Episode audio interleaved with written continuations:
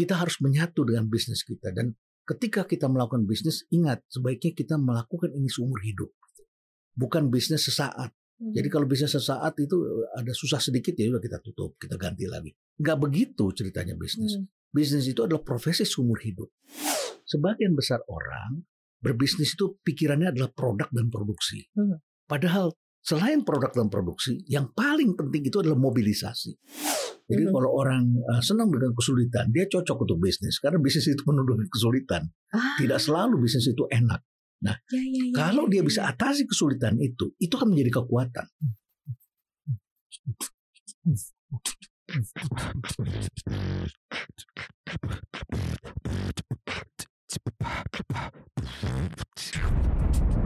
Cuap-cuap cuan. Hai Sobat Cuan, selamat datang di podcast Cuap Cuap Cuan. Dan kali ini di segmen interview spesial sekali Karena podcast ini dipersembahkan oleh Asus Business. Terima kasih Asus Business sudah mensupport podcast kita kali ini. Nah, kalau kemarin kita ngobrolin soal pengembangan karir Seperti apa kita harus sudah mulai alert nih kalau karir kita lagi mandek Dan kita harus sudah mulai lagi mengasah keahlian dan keterampilan kita Nah, sekarang untuk para sobat cuan di luar sana yang mulai bisnis, kemudian kemarin keterpa pandemi, sekarang mau mulai lagi harus kayak gimana? Apa harus start lagi dari nol atau mau mulai lagi aja deh apa yang udah ada gitu ya? Untuk melengkapi informasi untuk para sobat cuan, spesial sekali tamu podcast saya hari ini karena saya sangat mengidolakan beliau. Saya bersama dengan Prof. Renald Kasali. Hai Prof. Halo. Siapa yang gak kenal dengan Prof. Renald ya kan, businessman, founder rumah perubahan juga gitu ya. Terima kasih ya Prof sudah datang di Ya, podcast Cuan sama-sama. di Sama-sama, studio ya. ini Senang bertemu dengan Maria dan teman-teman. dan teman-teman. Nah kita mengingatkan lagi nih untuk uh, sobat cuan di luar sana. Kalau Ya. kemarin kita sempat ngingetin soal masalah pentingnya mengembangkan karir. Nah sekarang nih untuk sobat-sobat cuan atau mungkin teman-teman di luar sana yang kemarin bisnis terus keterpa pandemi. Hmm. bingung gitu Prof. Iya. Nah gitu sekarang nggak tahu nih kalau dilihat dari keadaan dan kondisi kondisi sekarang nih sudah mulai kondusif lagi kah untuk mulai bisnis nih kalau dari kacamatanya Prof. Eh, ini eh, pandemi ini kan agak sedikit menipu sebetulnya gitu Mhm. ya. Ada yang terjatuh atau eh, sulit bisnisnya karena memang pandemi. Mhm. Katakanlah transportasi kemarin Ya, itu ya. Eh, tetapi ada juga yang terjadi karena dunia digital yang Hmm. mencapai puncaknya. Dan efek panjangnya itu bisa terjadi justru pada tahun ini. Karena biasanya kan orang bertahan, daya tahan itu kan lumayan kuat. Mhm, Nah, mhm, Hari mhm. ini ada yang sudah mulai comeback, misalnya saja perhotelan itu sudah mulai Iya, mulai naik iya, ya. Kalau kita pergi ke mana-mana mulai terasa sekali. Kecuali yang perjalanan jauh. Nah, sekarang kita sebutnya era escape. Jadi orang escape, escape itu jarak dekat. Tapi kalau ke Bali masih kita terasa pergi ke. Bali karena orang yang pergi kan dari kota-kota besar menuju ke Bali dan itu perlu investasi waktu yang lebih panjang sehingga hotel di sana belum berkembang. Tapi di Mhm. kota-kota di Pulau Jawa sudah mulai terasa gerakannya. Nah, ada lagi usaha yang uh, kelihatannya masih oke tetapi Mhm. akan terdampak dalam waktu dekat. Katakanlah perbankan. Mhm. Perbankan itu menghadapi hempasan yang luar biasa dengan adanya dunia digital Ya. ya. Dan munculnya bank-bank digital yang baru. Uh, kemudian alat pembayaran yang baru Mhm. dan lain sebagainya. Nah, demikian pula dengan usaha, ada usaha makanan yang kompetitornya semakin banyak Mhm, dan mhm. tentu saja tempatnya berbeda. Yang tadinya di tengah kota sekarang menjadi donat. Donat itu kan tengah-tengahnya kosong. bulat iya Ya, bolong nol ya. harus ada lubang Nah, lubang ada lubangnya. Jadi di Mhm. tengah-tengah tuh lubang gitu kosong karena orang tidak di kantor. Hari ini yang kembali ke kantor masih sekitar 25 sampai 30 Iya, iya, persen. iya, iya. Ya walaupun sudah mulai Hmm. kembali Hmm. sedikit normal, tapi masih 25-30 persen Hmm. begitu. Nah di mana ada kantongnya di pinggiran sebetulnya. Karena Hmm, orang kembali hmm, ke hmm. rumahnya di daerah pinggiran. Nah seperti itu. Jadi tidak sama dampaknya semua. dampaknya beda-beda gitu ya Beda-beda. Tapi kan kalau aku boleh cerita nih Prof, belakangan ini justru kan kalau daerah kompleks rumahku kemarin-kemarin tuh habis gitu kayaknya. Tutup deh Hmm. Iya, semua ya, kedai-kedai ini apa segala macam. Tapi kayak dari awal tahun nih Udah mulai bergerak. buka-buka. Iya. Udah mulai kayak eh mulai yakin, entah yakin tak apa sih kalau ditanyain gimana nih udah mulai rame. Ya habis gimana daripada enggak ada penghasilan. Jadi Iya. mereka mencoba lagi gitu. Ya Nah, betul. sekarang Betul. kalau kita kayak ngelihat di situasional seperti sekarang ini, Prof, mendingan ya mulai dengan apa yang sudah dimulai atau yang baru aja gitu sekalian. Em, Karena tadi kan Prof bilang beda gitu ini. beda, beda. Yang yang penting adalah kita kenal dulu bisnisnya itu bisnis apa. Hmm. Jadi mau mulai yang baru kalau kita nggak kenal sama sekali ya berisiko juga kan. Yap. Jadi kalau misalnya kita pernah bekerja di suatu sektor, kemudian kita mau mulai usaha di sektor itu yang tadinya adalah bukan sektor yang kita kenal, Hmm. that's fine. Tapi kalau kita masuk sesuatu yang beda sama sekali, misalnya tadinya kita adalah kuliner ah, gitu tadi. kuliner, terus Hmm. kemudian mau masuk ke metaverse kan loncatannya jauh sekali gitu ya. bikin ini restorannya di metaverse. atau mau bikin game online gitu kan Oh, jauh iya, iya, sekali iya, ya jauh sekali jadi kita jangan ambil yang jauh sekali carilah yang terkait yang kita sudah kenal sehingga mulainya tidak terlalu sulit. Nah Hmm. ketika kita memasuki usaha yang kita kenal itu bisa mengurangi banyak risiko. Karena kita juga kenal vendornya siapa biaya produksinya lebih terkendali. Hmm. kalau kita baru masuk itu biaya produksi kita nggak tahu kita Iya. cari orang kita nggak tahu. Jadi kita cari yang kita sudah kuasai terlebih dahulu. Di situ titik pangkalnya. Jadi eh, bisa usaha lama bisa usaha yang baru sama sekali. Nah usaha yang Asal lama bisa dulu saja itu kali ya Prof ya. eh, kalau yang dulu mati karena pandemi sekarang barangkali mulai bergerak Mm-mm. bisa bisa terjadi tapi yang dulu rame selama pandemi bisa saja sekarang berubah lagi kan Hmm. karena orang sekarang sudah mulai eh, berani keluar dan sebagainya Oke, cukup menarik sih yang nggak serta merta langsung ah ini kemarin hancur gitu ya udah bikin aja Ya, yang baru. tidak Atau selamanya seperti bikin itu yang baru karena mungkin modalnya baru ada yang dikit nggak kalau bikin yang lanjut yang lama kayaknya lebih gede nih. Iya. Nah ini kalau kita belajar uh, dengan adanya pandemi, mungkin kalau Prof perhatikan tutupnya berbagai macam bisnis itu karena lebih banyak dominasinya disebabkan oleh apa sih? Ya memang karena daya beli yang zat menurun gitu ya, iya. pola hidup masyarakat yang 180 derajat berubah gitu sehingga ya udah nggak bisa bertahan lagi atau karena memang eh, hal lain gitu ya misalnya dari internal bisnisnya juga yang nggak bisa survive sebenarnya. Eh, tentu sangat beragam. Hmm. Justru pada saat terjadi pandemi itu terbukti siapa yang kuat, siapa yang tidak kuat. Ada usaha yang memang eh, dia kena sekali begitu ya, tapi dia tetap bertahan, dia kurangi. Katakanlah airlines, dia bisa beralih misalnya tadinya untuk penumpang menjadi untuk barang. Kargo Hmm. itu kan banyak sekali Mhm, kebutuhannya. mhm, mhm. Justru pesawat yang tidak ada selama pandemi. Jadi kalau pengusaha airlines bisa segera convert di dalamnya menjadi usaha logistik begitu ya untuk kiriman logistik itu kan lebih baik. Jadi eh, sering kali adalah karena pemiliknya mendiamkan, mendiamkan dan terpaku. Justru di masa seperti ini sebetulnya ada peluang yaitu mhm. membeli perusahaan-perusahaan yang mati karena pandemi Benar benar. dan benar. terutama karena pemiliknya sudah keletihan. Mhm. Jadi pemiliknya sudah usianya sudah 60-an begitu ya. Dan dia pengen menikmati hidup di luar negeri. Nah, mhm. dia sudah mulai bang orang itu sudah membangun tapi ditinggalkan. Itu kesempatan kita ambil. Jadi ambilnya sudah di tengah-tengah. Sudah setengah Hmm. jadi atau sudah jadi bahkan itu Itu kesempatan dipastikan kita take resikonya over. juga lebih kecil ya berarti ya. Prof? Resikonya lebih kecil karena asetnya lebih murah. Mhm. Jadi aset-aset mangkrak ini akan ada banyak sekali. Hotel bintang 3 itu banyak sekali yang ditawarkan. banyak. Dan kesempatan menawarkan hotel bintang 3 ke depan itu bagus sekali.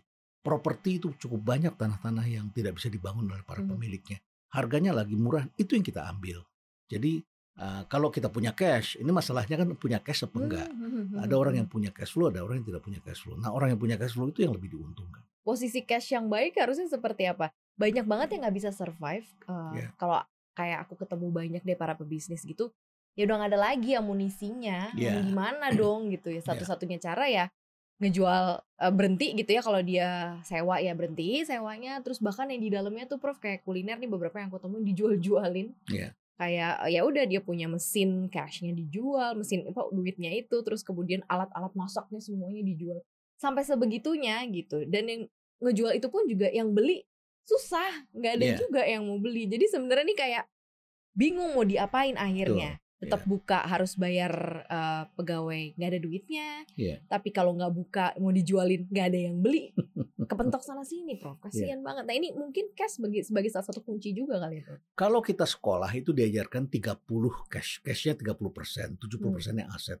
Tapi kalau saya, saya lebih percaya uh, kita harus punya cash flow itu lebih dari 50 persen. Hmm. Jadi jangan semua dihabiskan dalam bentuk aset. Kaya aset, menjadi orang yang kaya dari aset itu nggak enak. Uh, kita kelihatannya Hmm, hmm. kaya begitu, tapi cashnya nggak banyak kan kita perlu cash untuk menjalankan kehidupan.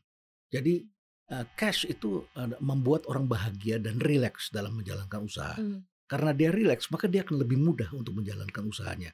Nah, kalau dia habiskan semuanya uangnya untuk dalam bisnis, begitu terjadi gejolak, dia akan panik. Karena Hmm, sekarang di saat pandemi, dia nggak cukup bisa bertahan 6 bulan, setahun, dua tahun. Kita harus punya posisi cash paling tidak untuk tiga tahun menghadapi situasi gejolak. Tiga Oh, tahun. Wow. Nah, bagaimana caranya? Tentu saja ketika kita jalankan pada tahap tertentu, cost kita kita harus pangkas, Hmm, harus hmm. dipangkas. Jadi ketika terjadi pandemi, di mana yang kita harus kurangi? Orang ketika pulang ke rumah tidak bekerja di kantor, kita harus negosiasi dengan pegawai. Iya. Saya bisa mempertahankan kamu, yang penting kamu gaji pokoknya dulu. Jadi yang biaya ini, biaya ini, biaya ini kita belum bisa berikan. Karena kita Hmm. juga menderita, customer Hmm. tidak ada. Hmm. Listrik kita kurangi. Kalau perlu kita tutup, kita kita apa? Nanti kita sambung lagi pada saat pada waktunya. Karena itu ada abonemennya yang harus kita Hmm, bayar. hmm, Ada biaya-biaya tertentu yang memang harus kita kurangi dengan cepat. Nah, itu harus dilakukan. Sehingga kita mempunyai posisi cash lebih dari 50% dari Mhm. aset kita. Jadi kita selamat ketika melewati masa-masa sulit. Banyak yang nggak selamat apa karena memang mereka masih memaksa diri atau seperti apa sih Prof? Jadi misalnya gini, ini udah dicoba nih eh, sebulan, terus nggak langsung ngambil keputusan tapi masih ya udah deh biarin aja deh kayak gini. Jadi diulur-ulur gitu loh Iya, Prof. didiamkan. Mhm. Didiamkan. Bisnis itu tidak boleh didiamkan. Kita harus menyatu dengan bisnis kita dan ketika kita melakukan bisnis, ingat sebaiknya kita melakukan ini seumur hidup. gitu. Bukan bisnis sesaat. Mhm. Jadi kalau bisnis sesaat itu ada susah sedikit ya udah kita tutup, kita ganti lagi. Nggak begitu ceritanya bisnis. Hmm. Bisnis itu adalah profesi seumur hidup. Jadi kita jalankan seumur hidup untuk menghidupi keluarga kita, menghidupi karyawan kita. Dan ada karyawan yang setia sama kita, itu kita pertahankan. Mhm. Karena dia susah sama senang sama kita. Dan dia akan memberikan kontribusi yang sebaik-baiknya. Jadi ada Hmm. karyawan yang memang berganti-ganti, tapi ada orang yang loyal, yang akan terus menemani kita. Nah kalau kita sudah stabil seperti itu, itu akan enak sekali jalaninnya. Nah Mhm. ketika terjadi suatu kesulitan, memang harus ada bagian-bagian yang mana yang kita bubarkan, yang mana yang kita tidurkan. Ya, yang dibubarkan mana tuh udah, kalau ditidurkan masih bisa dibangunin lagi. ya, masih Prof? bisa dibangunin Oke. lagi. Jadi uh, karyawan hanya kita uh, pulangkan ke rumah, kita kurangi berapa persen, begitu ya. Kemudian biaya-biaya tertentu kita pangkas. Nah, setelah itu kemudian kita harus punya yang namanya posisi selalu muter. Orang yang hidupnya tenang itu adalah orang yang punya bisnis yang ada atau tidak ada uh, situasi yang gawat, itu Hmm. tetap berputar. Walaupun pendapatannya tidak 100%, katakanlah bisa 30% ya. 30% itu bisa untuk membayar pajak kita bisa Mhm, bayar, hutang kita bisa Hmm. bayar, uh, pegawai yang basicnya bisa kita bayar. Itu harus ada. Kalau Hmm, kita nggak hmm. punya itu, repot. Jadi bisnis itu bukan cuma sekedar mengandalkan pendapatan yang kita anggap itu selalu akan ada abadi. Mhm. Tidak. Bisnis itu selalu akan ada up and down-nya. Berarti- Ekonomi teorinya tuh memang selalu begini. Mm-mm, Ekonomi selalu begini. Selain ada pandemi mungkin ntar ada ada lagi gitu ya yang lain ya. Perang perang uh, Rusia dengan Ya. Ukraina aja sekarang sudah berpengaruh pada minyak goreng dan Mm-mm. sebentar lagi pada beberapa jenis komoditas. Mhm. Harga akan berubah. Uh, Hmm. beberapa waktu yang lalu kita lihat VGA hilang. Iya. Ya, kita uh, grafik card itu hilang. Iya. Begitu karena orang tiba-tiba menambang Bitcoin, Bitcoin, begitu ya. iya. Jadi selalu ada yang mengganggu perekonomian gitu ya. Perekonomian Hmm. kita, bisnis kita selalu ada yang mengganggu. Nah, oleh karena itu maka kita harus siap dengan berjaga-jaga. Nah tadi kan Prof sempat bilang nih uh, harus ada yang berputar. Jadi orang yang punya bisnis, main bisnis harus ada backup bisnis. Iya. Nah ini kayak gimana sih Prof? Mungkin uh, teman-teman sobat cuan bingung nih kan jalanin bisnis satu aja belum tentu berhasil Iya. gitu. Terus harus ada backup bisnis Iya. yang bisa mensupport bisnis ini juga, bisnis yang lain juga. Ya, jadi ada sesuatu yang bersifat namanya cash flow. Mhm. Yang satu itu adalah yang bersifat long term. Mhm. Uh, long term itu pengembaliannya karena itu makan modal yang besar, Mhm. uh, kemudian karyawannya banyak, ya ada aset yang tidak mudah dicairkan. Oke, kita punya ini, tapi kita harus punya trading. Trading, katakanlah misalnya kita usaha bahan bangunan, ya bahan Mhm, bangunan. mhm. Bahan bangunan itu kalau kita uh, bisnis bikin produksi bahan bangunan itu tersendat-sendat sebagian, Ya. karena bahan bakunya itu import sebagian. Ketika bahan baku impor tidak ada, kapal tidak masuk, kita tidak bisa produksi. Tapi kalau kita punya tradingnya, kita punya tokonya, toko bahan bangunan, Mhm. pada saat pandemi itu orang beli bahan bangunan. Iya. Jadi bahan bangunan itu justru dipakai karena orang memperbaiki rumahnya, orang bikin konten bener-bener. gitu ya. Bener. Nah, kita punya usaha perdagangan yang bisa rutin ada atau tidak ada uh, dampak karena pandemi, ekonomi dan sebagainya, tetap ada berputar walaupun tidak 100%. Nah, uh, kawan-kawan saya yang punya industri bahan bangunan, kalau dia punya industri saja dia repot, tapi dia lengkapi dengan perdagangan. Ketika dia perdagangan, Hmm. barang orang lain juga dia dagangin. Sehingga Ah, dia iya, bisa iya, berputar iya. dapat keuntungan begitu ya, walaupun tidak 100% sekali lagi, tapi ada yang mendukung kegiatan. Nah, backup bisnis itu uh, dibentuk barengan dengan main bisnis yang ada atau tunggu di berjalan dulu terus oh, oke okay, baru dipikirin lagi nih kira-kira apa ya yang supporting bisnis utama ini? Bisa dua-duanya tetapi kebanyakan orang yang saya temui yang berhasil itu adalah mereka yang mulai dulu justru cash flow-nya dulu. Cash flow-nya dulu. cash flow dulu ya. Uh, ada juga yang dia mulainya terbalik hmm. setengah mati. Ini kan uh, menggerakkan mesin itu memerlukan waktu. Betul, betul. kalau kita buka toko itu tiga bulan kita harus puasa. Hmm. Setelah tiga bulan baru orang datang beli. Bener. Tiga bulan itu nggak ada yang beli biasanya hmm. begitu ya. Nah kemudian uh, setelah dia jalan dia tidak juga untung karena hmm. kosnya masih besar hmm. gitu. Nah setelah berjalan dia lihat eh saya perlu variabel itu yang ditaruh di toko-toko online hmm. gitu. Itu itu banyak sekali orang melakukan seperti itu. Bahkan semasa pandemi itu yang bergerak yang seperti itu didagangkan di toko-toko online. Bahkan mereka kemudian bisa membuat desain ditaruh di Pinterest, ditaruh di aplikasi-aplikasi uh, oh, iya, iya, iya, begitu ya, dan bisa bertanya pada customernya, ah, kamu pengen punya pengen apa lagi, pengen beli apa lagi, dan mereka kasih tahu pada produsennya. Jadi biasanya mereka produksi katakanlah 5.000 unit, kali ini tuh mereka produksi 200 unit. Tapi setiap minggu ada produk baru begitu ya. Nah itu diciptakan oleh anak-anak muda, produk-produk yang retail setiap minggu laku 200 unit tuh. Minggu depannya bikin apa lagi? Minggu hmm. depannya bikin apa lagi?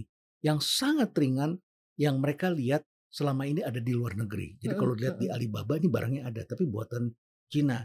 Um, ini murah tetapi lama datangnya ke sini. Bisa nggak kamu buat tapi harganya di bawah 200 ribu gitu. Ternyata anak-anak muda bilang, bisa, saya bisa bikin. Dalam keadaan darurat, otak orang tuh jalan. Bisa dia bikin dan 200 ribu sudah untung begitu. Lu dia mau bikin, ada ya, lu mau apa gue ada. Nah, jadi dia bikin dan Setiap minggu produknya baru begitu.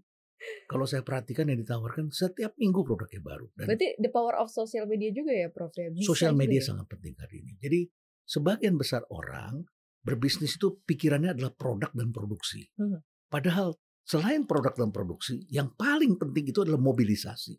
Hmm. Dan hmm. sekarang siapa sih yang nggak bisa mobilisasi?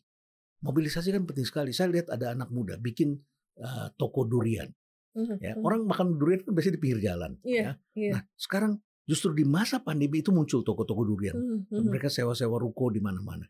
Terus pegawainya kita datang baru mau dibuka, terus mereka rekam begitu. Yang mobilisasi itu pegawainya, yang lulusan SMA atau SMP jadi mm -hmm. tukang buka durian, terus kemudian mereka langsung masukkan ke IG-nya mereka, disebarluaskan. Dan ini mengundang orang lain untuk datang begitu.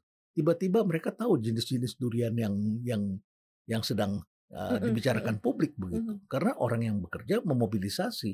Nah yang jadi masalah adalah kalau mobilisasi itu selalu disentralisasi. Hmm, jadi di kantor pusat ada tim yang lama sekali mobilisasinya. Sekarang mobilisasi itu harus cepat dilakukan. Tidak bisa menunggu waktu. Iya, share-nya juga gampang ya tinggal dikirim ke sana kemari gitu ya. ya. betul, betul. Jadi nggak perlu pakai proses lama-lama rekam itu tadi kata Prof langsung bisa disebar gitu ya. ya. Iya, secepat itu dan bahkan bisa mengangkat uh, tematik kan, iya, tema-tema iya, yang iya, sedang iya. dihangat diperbincangkan, mm-hmm. dan itu menimbulkan uh, apa ya, menimbulkan kengirian orang untuk mengkonsumsi begitu ya. dan, dan Sosial media mah isinya gitu, Prof bikin iri. ya bikin iri. Tapi memang itu untuk menguntungkan banget untuk bisnis sih memang. Nah, ada beberapa juga kegagalan-kegagalan orang untuk survive bisnis yeah. dan memulai lagi sekarang ini Prof karena mereka udah nggak tahu lagi uh, arah tujuannya gitu karena hmm. mereka terlalu sering kayak gini misalnya belum break even nih atau belum untung banget terus mereka udah challenge lagi bikin baru bikin hmm. baru bikin hmm. baru akhirnya banyak nih gerainya di mana-mana tapi kayak cuma sesaat yeah. udah gitu iya. ditutup tutup tutup tutup nah sekarang udah nggak tahu lagi bingung gitu harus yeah. seperti apa nah ini mungkin pemahaman yang harus diketahui juga kali ya untuk sobat cuan baik yang mau mulai atau mau lanjut uh, pentingnya kita untuk mengatur uh, break even point dan membuka bisnis baru. Ini yeah. kayak gimana sih? Iya. Yeah. Break even point itu uh, bisa jalan kalau kita memahami apa yang disebut dengan kurva belajar. Hmm. Kurva belajar itu arti kadang-kadang disebut juga sebagai experience curve, hmm. kurva pengalaman. Hmm. Jadi semakin kita berpengalaman, cost biaya uh, cost of production atau biaya produksi itu turun. Jadi setiap orang yang berusaha Ya ini ada garis waktu ke kanan gitu ya. Hmm. Garis waktu ke kanan ini adalah garis biaya ke atas. Ya. Ini biaya. Ketika kita baru memulai, siapa pun memulai ya, hmm. itu cost uh, of productionnya tinggi awalnya di iya, atas ya. gitu. Ya. Ya. Tapi waktu berjalan semakin kita berpengalaman, angka kesalahan kita akan turun. Hmm. Hmm. turun turun turun. Nah di sinilah biaya yang kita harus pertahankan, biaya yang paling murah Hmm. setelah kita berpengalaman. Nah di situlah cost kita yang harus kita hitung dan menjadi break even point ketika kita produksi berapa. Hmm. Kalau kita baru mulai saja sudah langsung pengennya break even point, kemudian kita menjual atau memproduksi sesuai dengan angka break even point-nya itu berapa? Hmm, hmm. katakanlah akan break even point kita produksi 5.000 unit. Iya. Padahal sampai 1.000 tuh itu ongkos belajar dulu gitu. Kita beli bebek 5.000, tiba-tiba 5.000-nya mati begitu. Uh, uh, uh, uh, Ya, kan mendingan kita beli pelihara 100 yang mati, yang mati. Setelah kita belajar 100 mati, oh kita tahu, oh begitu ya caranya. Barulah kita teruskan produksi. Tapi orang kadang-kadang nggak sabaran, pengen langsung break even point 5.000 ekor dia beli bebek. Nggak taunya semuanya mati begitu, dia kehabisan uang kan. Kalau kita coba dulu learning dulu 100 ekor, kalau dia mati kita dapat pembelajaran, terus kita mulai lagi, oh dia nggak boleh dikasih air yang begini, kita harus peliharanya begini. Kan lebih baik. ada ongkos belajarnya juga. Iya, iya. Yang suka dilupain soalnya Itu gitu. dia. Itu dia. Ketika kita bikin uh, usaha makanan, uh, kita pikir enak, kita pikir ki- kita suka, Selera maka orang lain suka, begitu ya. Padahal kita pikirkan ke selera orang yang beli. Kita harus dengarkan. Oh ternyata dia nggak suka yang begini, dia nggak suka kemasan yang begini. Kita lengkapi, kita perbaiki. Ketimbang kita sekarang mobilisasi besar-besaran, terus kemudian orang sudah nggak suka, repot kan? Nah itu tuh sobat cuan yang mungkin harus diketahui juga. Berarti kalau gitu idealnya deh Prof untuk membuka lagi usaha baru atau cabang baru gitu ya dalam sebuah usaha nih BEP plus atau seperti apa sih Prof? Karena tadi yang banyak banget yang bilang, ah udah balik modal yang ini, berarti modal ini, yang ini nih kan udah balik modal nih, Iya. bisa dibuka lagi deh satu lagi blok karena ini udah balik modal. Jadi istilah 100 udah balik 100 nih. 100 nya bisa dibalik, dibuka lagi nih kayak gini gitu kan anak-anak sekarang mikirnya Iya. Prof. tentu kita harus buat rencana. Bisa saja ini belum balik modal, kita sudah perluas karena kita melihat ada yang lebih besar yang perlu kita kita garap dan kita lihat pertumbuhannya ke depan. Ah, bisa saja macam-macam dilakukan, tapi kita harus terencana, jangan terlalu bernafsu sehingga kemudian ah, biaya kita menjadi besar. Ah, ada orang yang bikin ke- jual furniture, jual furniture bagus, tapi dia lakukan itu dijadikan startup. Furniture tidak perlu startup kan, Hmm. Nah, karena orang perlu coba, perlu lihat dan sebagainya. Lawannya dia tuh yang di klender, yang di pinggir-pinggir Iya. jalan. Dekat rumah Itu- saya Prof tuh Prof. Barang bagus, Iya. tapi kok adanya di pinggir jalan harga murah. Tiba-tiba dia bikin startup, dia harus beli barang dengan harga yang lebih murah. Gak ada orang mau kasih itu. Tapi dia sudah semangat bikin yang sebanyak-banyaknya. Nah, ketika dia lakukan itu, lama-lama dia nggak dapat supply. Jadi jangan lupa bahwa bisnis itu bukan cuma market, tapi supply-nya continue atau tidak.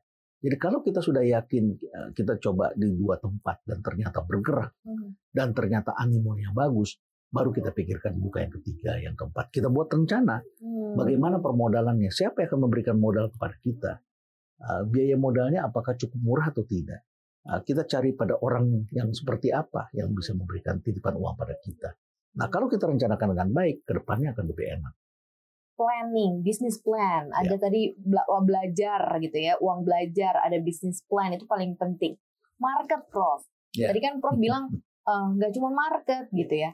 Tapi kan hati market harus didapatkan kan, di Ya. atau dicuri, dibikin jatuh hati jadi akan kembali gitu ya, Prof. Tapi market punya seleranya sendiri-sendiri yang kita kalau sebagai pebisnis harus ngikutin juga kan. Ya. Karena bisa aja berubah ya, kayak minuman boba deh contohnya. boba ABC. Ya. Tadinya A, terus sekarang muncul yang banyak banget eh, yang lebih murah akhirnya ke B gitu ya. Selera market kita nggak pernah tahu. Nah ini kayak gimana nih? Cara supaya bisnis establish ada brand-brand besar yang masih ada sampai sekarang ya. Ya. Kayak ayam goreng apa itu mungkin udah tahu. Terus kemudian eh, banyak lah brand-brand besar yang masih sampai sekarang karena memang mencuri hati market itu. Ya. Kalau kita bicaranya makanan, maka makanan itu ada dua kategori. Hmm. Yang pertama kita sebut comfort food, makanan yang abadi selama-lamanya. Hmm. Uh, di mana pun orang pasti pesannya nasi goreng, Ya, ya. uh, apa bubur ayam, Hmm, Kalau uh, sekarang ayam bakso, geprek di mana-mana. ya ayam geprek. Uh-uh. Itu ayam itu akan abadi, ada terus gitu. Rawon ada terus, gudeg ada terus. Ini akan abadi. Hanya tinggal penyajiannya, kebersihannya, tempatnya itu berbeda-beda begitu ya. Ini satu hal. Nah, yang berubah-ubah itu namanya fancy food, makanan yang uh, bukan menjadi budaya kita, yang orang makan karena orang olah jadi berubah-ubah bentuknya, Mhm. dan kemudian orang makan itu bisa ber- bisa zamannya bisa bisa berubah begitu. Hmm. Kayak boba tadi yang disebutkan, boba. Ya orang suka begitu, Tapi ketika diekspansi, lama-lama orang tidak tertarik lagi karena sudah tersedia di mana-mana Iya. dan menjadi makanan biasa. Hmm. Masalahnya bisa nggak dia menjadi pengganti makanan yang tadinya fancy menjadi comfort? Katakanlah misalnya pizza, Hmm. ya dulu adalah dia fancy food, Fancy food. sekarang sudah mulai menjadi kebutuhan sehari-hari. Jadi orang seminggu sekali makan pizza atau sebulan sekali makan pizza, oke, jadi dia masih bisa mendapatkan market di sana. Hmm. Nah, kalau dia masuknya di fancy food, dia harus siap bahwa makanan seperti itu akan ada mencapai puncaknya, kebosanannya, ganti lagi zaman yang lain. Dia harus siapkan makanan fancy yang lain lagi. Hmm. Ini akan hilang atau berkurang marketnya. Hmm. Sehingga dia siapkan lagi makanan lain lagi, makanan lain lagi. Hmm. Umurnya setahun dua tahun. Setahun dua tahun. Gitu ya. Ya, kalau kita perluas secepat itu eh, lebih cepat lagi bisa lebih pendek dari dua tahun. Kapan sih kita tahu bahwa produk kita ini apa pun itu, Prof sudah diterima baik sama masyarakat? Karena kan sekarang tuh zamannya hype, viral, seminggu kelar gitu ya. Maksudnya lagi lagi heboh di media sosial, orang bisa datang melulu gitu ya. Iya. Tapi udah gitu udah nggak ada gitu. Yang itu kemarin cuman bener-bener viral aja begitu orang ngerasain, ah nggak biasa aja gitu. Nggak kayak yang diceritain gitu. Ya itu kan eh, cara bergeraknya virus seperti itu. Mula-mulanya susah, lama-lama tiba-tiba dia meledak, just begitu naik ke atas. Itu cara berpikirnya disebut eksponensial ya. Hmm. Tiba-tiba dia naik. Nah, eksponensial juga tiba-tiba hilang, virus juga tiba-tiba hilang, India tiba-tiba hilang. Orang bilang tuh ivermectin, tapi setelah dicek ternyata ada faktor lain lagi. Mungkin sudah semua orang yang kena. Jadi siapa Hmm. lagi mau dikenain virus itu Iya, karena iya. semuanya udah jadi korban begitu ya.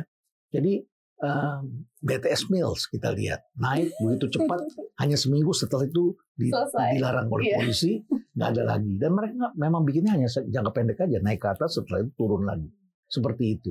Jadi kapan kita menyaksikannya? Satu kita harus lihat sefancy apa produk ini kita jalankan. Kalau dia semakin fancy dan kemudian kita genjot dia kencang sekali, dia akan naik dan dia akan hilang dengan cepat. Hmm. Ya, jadi kita mesti hati-hati juga genjotnya. Iramanya kita harus lihat gitu ya. Yang kedua, apakah dia bisa kita rubah menjadi comfort, menjadi lebih enak, lebih nikmat dan sebagainya. Dulu ada sepatu yang orang beli karena warnanya. Bapak-bapak beli warna pink, warna merah. Sekarang nggak dipakai lagi kan? ya kan? Iya, iya, iya. Ya, tapi barangkali karena tidak comfort begitu. Orang kalau comfort dia akan pakai terus begitu, akan zamannya tidak tidak hilang. Nah, jadi kita harus bisa menjaga eh, kalau makanan atau kalau produk yang sehari-hari orang pakai, apakah bisa kita bikin itu menjadi comfort? Kalau tidak bisa jadi comfort, dia akan hilang. Jadi tuh ya semua tergantung ya dan se-survive apa juga kita sebagai uh, para pengusaha untuk menjalankan usahanya, survive dan bangkit lagi. Mungkin ada pesan kali untuk Sobat Cuan, Prof dan teman-teman yang dengerin kita nih hari ini yang masih galau hatinya. mulai lagi nggak ya? Aduh, nggak tahu deh mau mulai lagi atau enggak gitu ya. Atau yang baru lagi kali ya. Atau yang lagi galau dia akan lanjut bisnis atau mau bikin bisnis baru ataukah mau kerja kantoran lagi. lagi galau lah hidupnya gimana nih Prof untuk bisa punya bisnis establish jangka panjang? Ya, yang pertama mereka harus melihat bisnis ini sebagai suatu upaya kehidupan yang bukan uh, bukan main-main begitu ya. Uh, kalau kita mudah apa mudah menyerah, mudah capek dan sebagainya itu bukan pilihan kita. Hmm. Jadi kita benar-benar harus menjalankan bisnis itu sebagai bagian dari kehidupan kita. Hmm. Susah senang ini kita yang mau, bukan orang lain yang mau. Hmm. Beda misalnya kalau kita disuruh sama dosen kita, disuruh sama orang tua kita, itu kan beda rasanya. Kalau ini adalah memang kita yang mau. Kalau kita yang mau, susah sedikit kita jalani. Semakin susah kita jalani. Satu ketika dia akan melenting, akan naik ke atas. Hmm. Jadi kalau memang dasarnya panggilan kita, dia pasti akan balik begitu ya. Karena di dunia ini ternyata tidak banyak juga orang yang mau berpikir. Ternyata katanya secara psikologis hanya 2% manusia yang berpikir. Yang Karena itu- ngapain? Yang lainnya, dia pikir dia sudah berpikir. Dua persen yang berpikir, yang lain dipikirnya sudah berpikir. ya, eh, itu sekitar 3% katanya. Dia pikir dia sudah berpikir. Yang sisanya lebih baik gua mati daripada gua harus mikir. Karena mikir itu lebih susah. Lebih susah daripada menghafal. Ya. Nah, berpikir itu artinya mencari jalan keluar. Hmm. Jadi kalau kita usaha nggak berhasil, kita harus analisa. Ini nggak berhasilnya karena apa? Tempatnya, waktunya, harganya, Ya. uh, warnanya, ya, uh, cahaya tokonya, yang jaganya, uh, Feng metodenya, feng ya. Jadi, enggak kok gue udah mikir. Ya, Mikirnya gimana? Kan saya sekolah Pak, sekolah tinggi ya, tapi menghafal bukan yang mikir.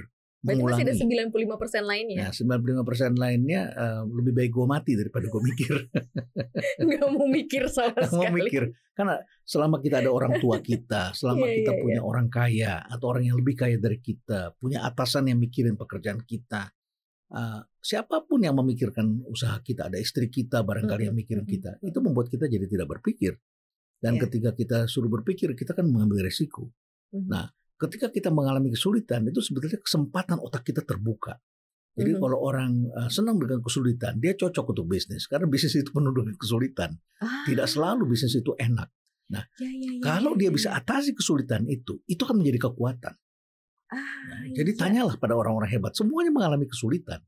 nah, Hmm. Itulah yang saya katakan sebagai eh, usaha jangka panjang. Dalam seluruh hidup kita, kita harus terbiasa menghadapi kesulitan. Kesulitan modal, kesulitan diganggu orang, kompetitor kita bergerak Hmm. lebih maju, branding kita diuji orang lain, ada masalah hukum. Apa saja, banyak sekali. Produk Hmm. kita dipalsukan orang lain, orang menaruh sesuatu di makanan kita. Itu hal yang selalu akan ditemui oleh pengusaha sepanjang hidupnya. Dan sewaktu-waktu kita akan membuat eh, diri kita menjadi lemah, tidak berdaya, dan akhirnya kita terpuruk, dan akhirnya kemudian kita menjadi kehilangan reputasi dan sebagainya, tertutup akhirnya bisnis. dari 100% cuma 2% berarti yang bisa jadi bisnismen karena dia mau berpikir Iya. dan mau untuk eh, selalu apa ya keluar dari kesulitan gitu Iya, ya. Jadi itu harus refleksi diri sendiri sih sebenarnya cek deh kita tuh sebenarnya ada ini enggak sih sense atau enggak sih gitu ya. Suka tantangan apa enggak? Suka tantangan atau Iya. enggak gitu karena Kalau suka tantangan, cocok jadi pengusaha. nah kayak Prof Renald di sini semua tantangan mungkin semua hal eh, up and down perekonomian udah ngerasain semua ya Prof ya. Ya makanya ketika terjadi pandemi, orang yang sudah mengerti itu justru dia investasi pada saat pandemi. Ya. Bukan meninggalkan gelanggang. Karena Hmm. begitu pandemi selesai, justru dia adalah orang yang paling siap menyambut situasi baru. Itu yang harus kita pikirkan. Kalau kita pandemi tiarap, ya sudah hilang. Itu deh. Sobat cuan. Ini penting banget ya buat kelanjutan hidup sobat cuan apa pun itu ya, bukan hanya bisnis ya, tapi memacu lagi semangat sobat cuan ya untuk selalu tetap survive di keadaan dan kondisi apa pun. Thank you banget Prof sudah Sama-sama, sama-sama. ngobrol di cuap-cuap cuan udah berbagi banyak hal dan sekali lagi juga thank you buat Asus Bisnis sudah support podcast hari ini. Jangan lupa ya sobat cuan ya podcast kita ini ada hadiahnya giveaway buat sobat cuan yang mendengarkan obrolan saya dan juga Prof Renald bisa mendapatkan e-wallet masing-masing Rp250.000 untuk lima orang pemenang. Pertanyaannya stay tune dan uh, lihat terus Instagram kita di @cuap underscore cuan. Nanti ada di sana. Jadi ya sobat cuan dengerin, kemudian pertanyaannya di sana dan jawab juga di sana seperti apa ya. Rp250.000 untuk lima orang pemenang e-walletnya. Thank you Prof sekali lagi. You're welcome. Terima kasih juga Sobat Cuan. Jangan lupa dengerin kita di Apple Podcast, Google Podcast, Anchor, dan juga Spotify. Jangan lupa follow akun Instagram kita di @cuap underscore cuan. Dan juga eh, jangan lupa untuk follow YouTube channel kita ya. Jadi lupa ya. Subscribe di Cuap Cuap Cuan. Kita juga tayang di CNBC Indonesia TV. Jadi pokoknya semuanya buat Sobat Cuan. Sekali lagi terima kasih banyak. Bye. Sukses terus Sobat Cuan. Sampai jumpa.